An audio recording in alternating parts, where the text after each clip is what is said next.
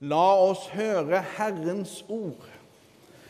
Gud være lovet. Halleluja, halleluja, halleluja.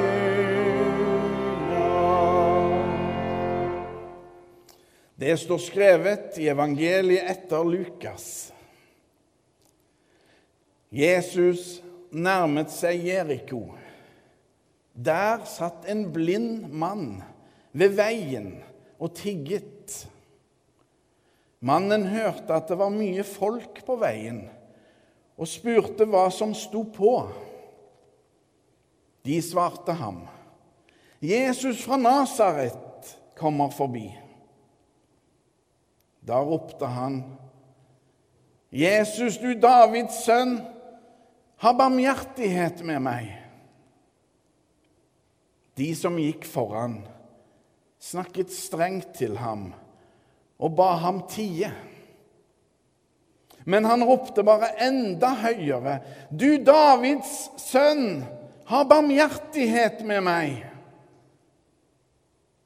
Jesus stanset og ba om at den blinde skulle føres til ham. Da han kom nærmere, spurte Jesus ham, 'Hva vil du jeg skal gjøre for deg?' Han svarte, 'Herre, la meg få synet igjen.' Jesus sa til ham, 'Bli seende. Din tro har frelst deg.' Straks kunne han se. Og han ga seg i følge med Jesus og lovet Gud. Og hele folkemengden som så dette, lovpriste Gud. Slik lyder det hellige evangelium. Gud være lovet. Halleluja, halleluja, halleluja.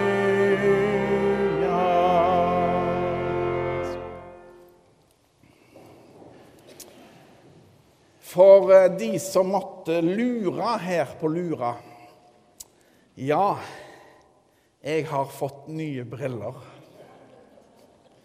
Briller fra Seland.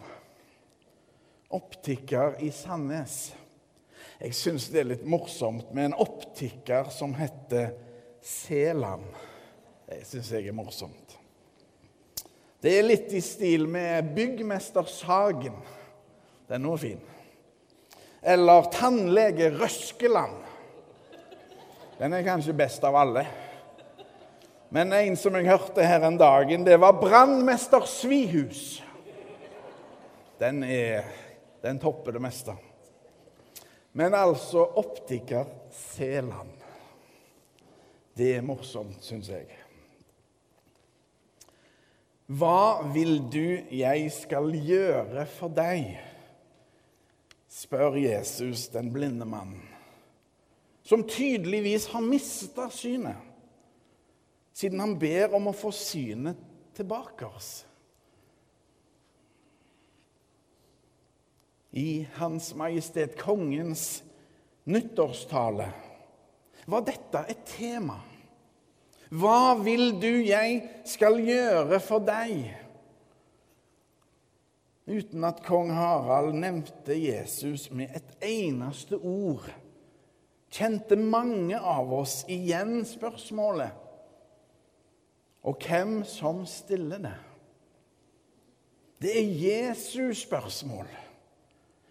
Og spørsmålet stilles av en som både vil kan hjelpe. Jesus' spørsmål er tidløst og er egentlig Kirkas spørsmål til alle mennesker. Hva vil du jeg skal gjøre for deg?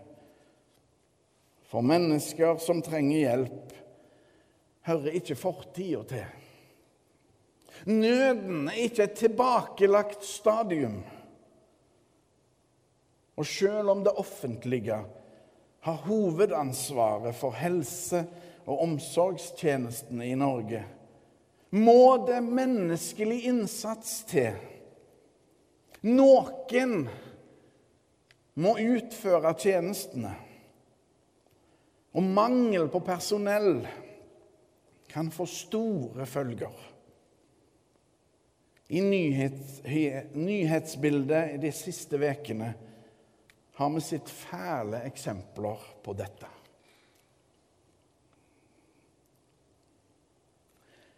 Jesus gjør nok et under.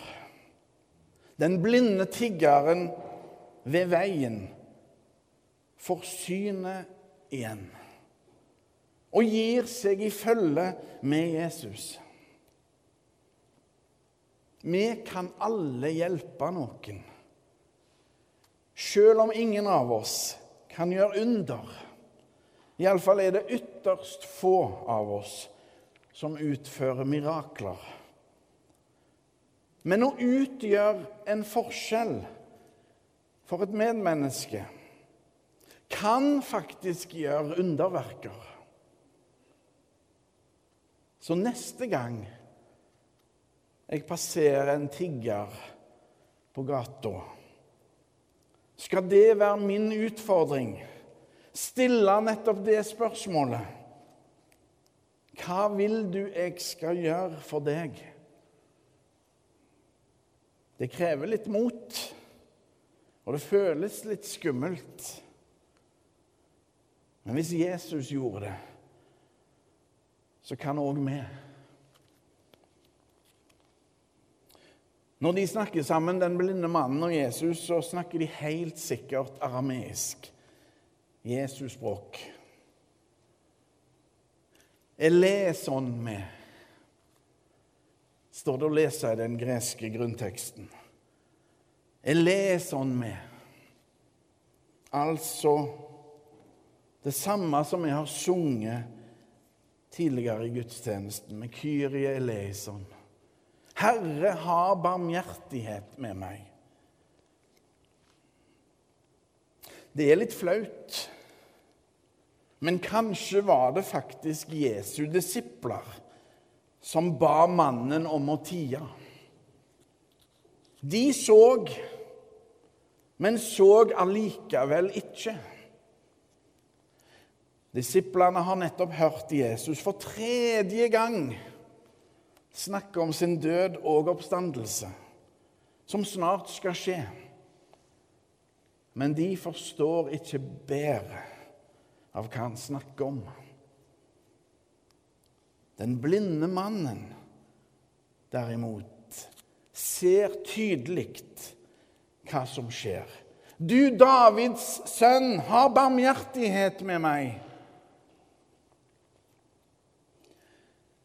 Det er mange måter å være blinde på. Og kanskje er det de seende som er mest blinde i denne fortellingen. Bli seende. Din tro har frelst deg.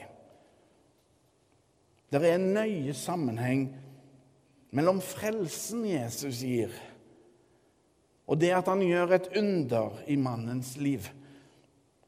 Frelsesgaven er den viktigste. Så får han synet tilbake oss som en naturlig følge av at det er Guds sønn som står foran han. Troens øye hos den blinde mannen gjorde at han ropte på Jesus. Jesus må ha vært kjent for mannen. Ryktene om Jesus har gått foran han og skapt tro hos den blinde tiggeren langs veien. Tilliten til Jesus var allerede på plass. Jesus gir virkelig mannen synet igjen. Det fantastiske skjer. Og mannen blir en del av den store disippelflokken. Han gir seg i følge med Jesus han òg. For dette som har skjedd i livet hans, er så stort og har gjort et slikt inntrykk på han. Kjærligheten sprenger alle grenser.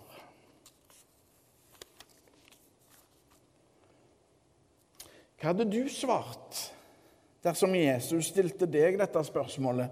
Hva vil du jeg skal gjøre for deg? Ditt svar er ditt svar.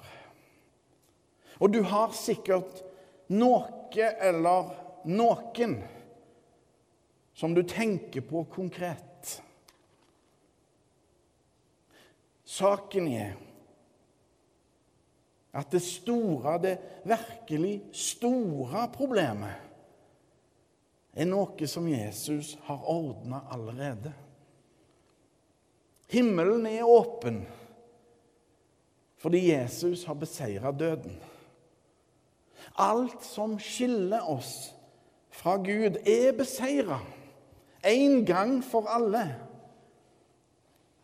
Det håpet og den vissheten kan ingen ta fra oss.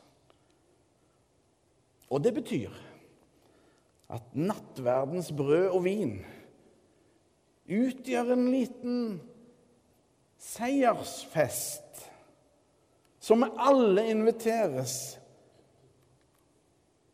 inn i.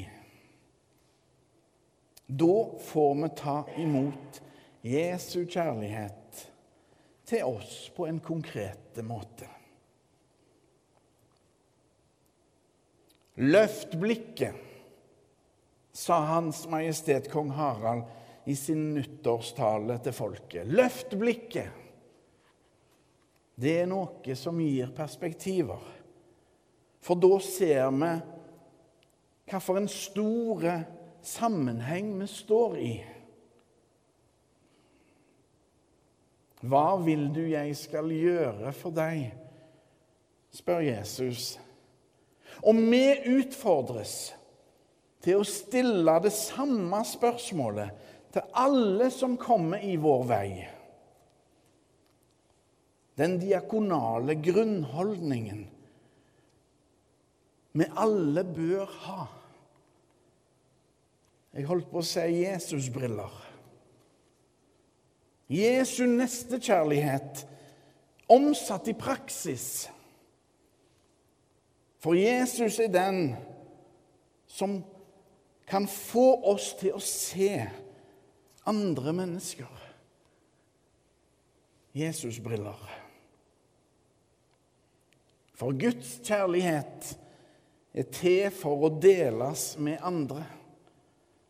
Eller som vi sang nå nettopp i gudstjenesten. Åpne våre blinde øyne, så vi ser deg som du er. Du er synlig i den minste, og du mangler mat og klær. La oss hjelpe våre søsken, de som strever på sin vei. Gå du med oss, Jesus Kristus, for vi avhenger av deg. Ære være Faderen og Sønnen og Den hellige ånd, som var, er og blir en sann Gud fra evighet og til evighet. Amen.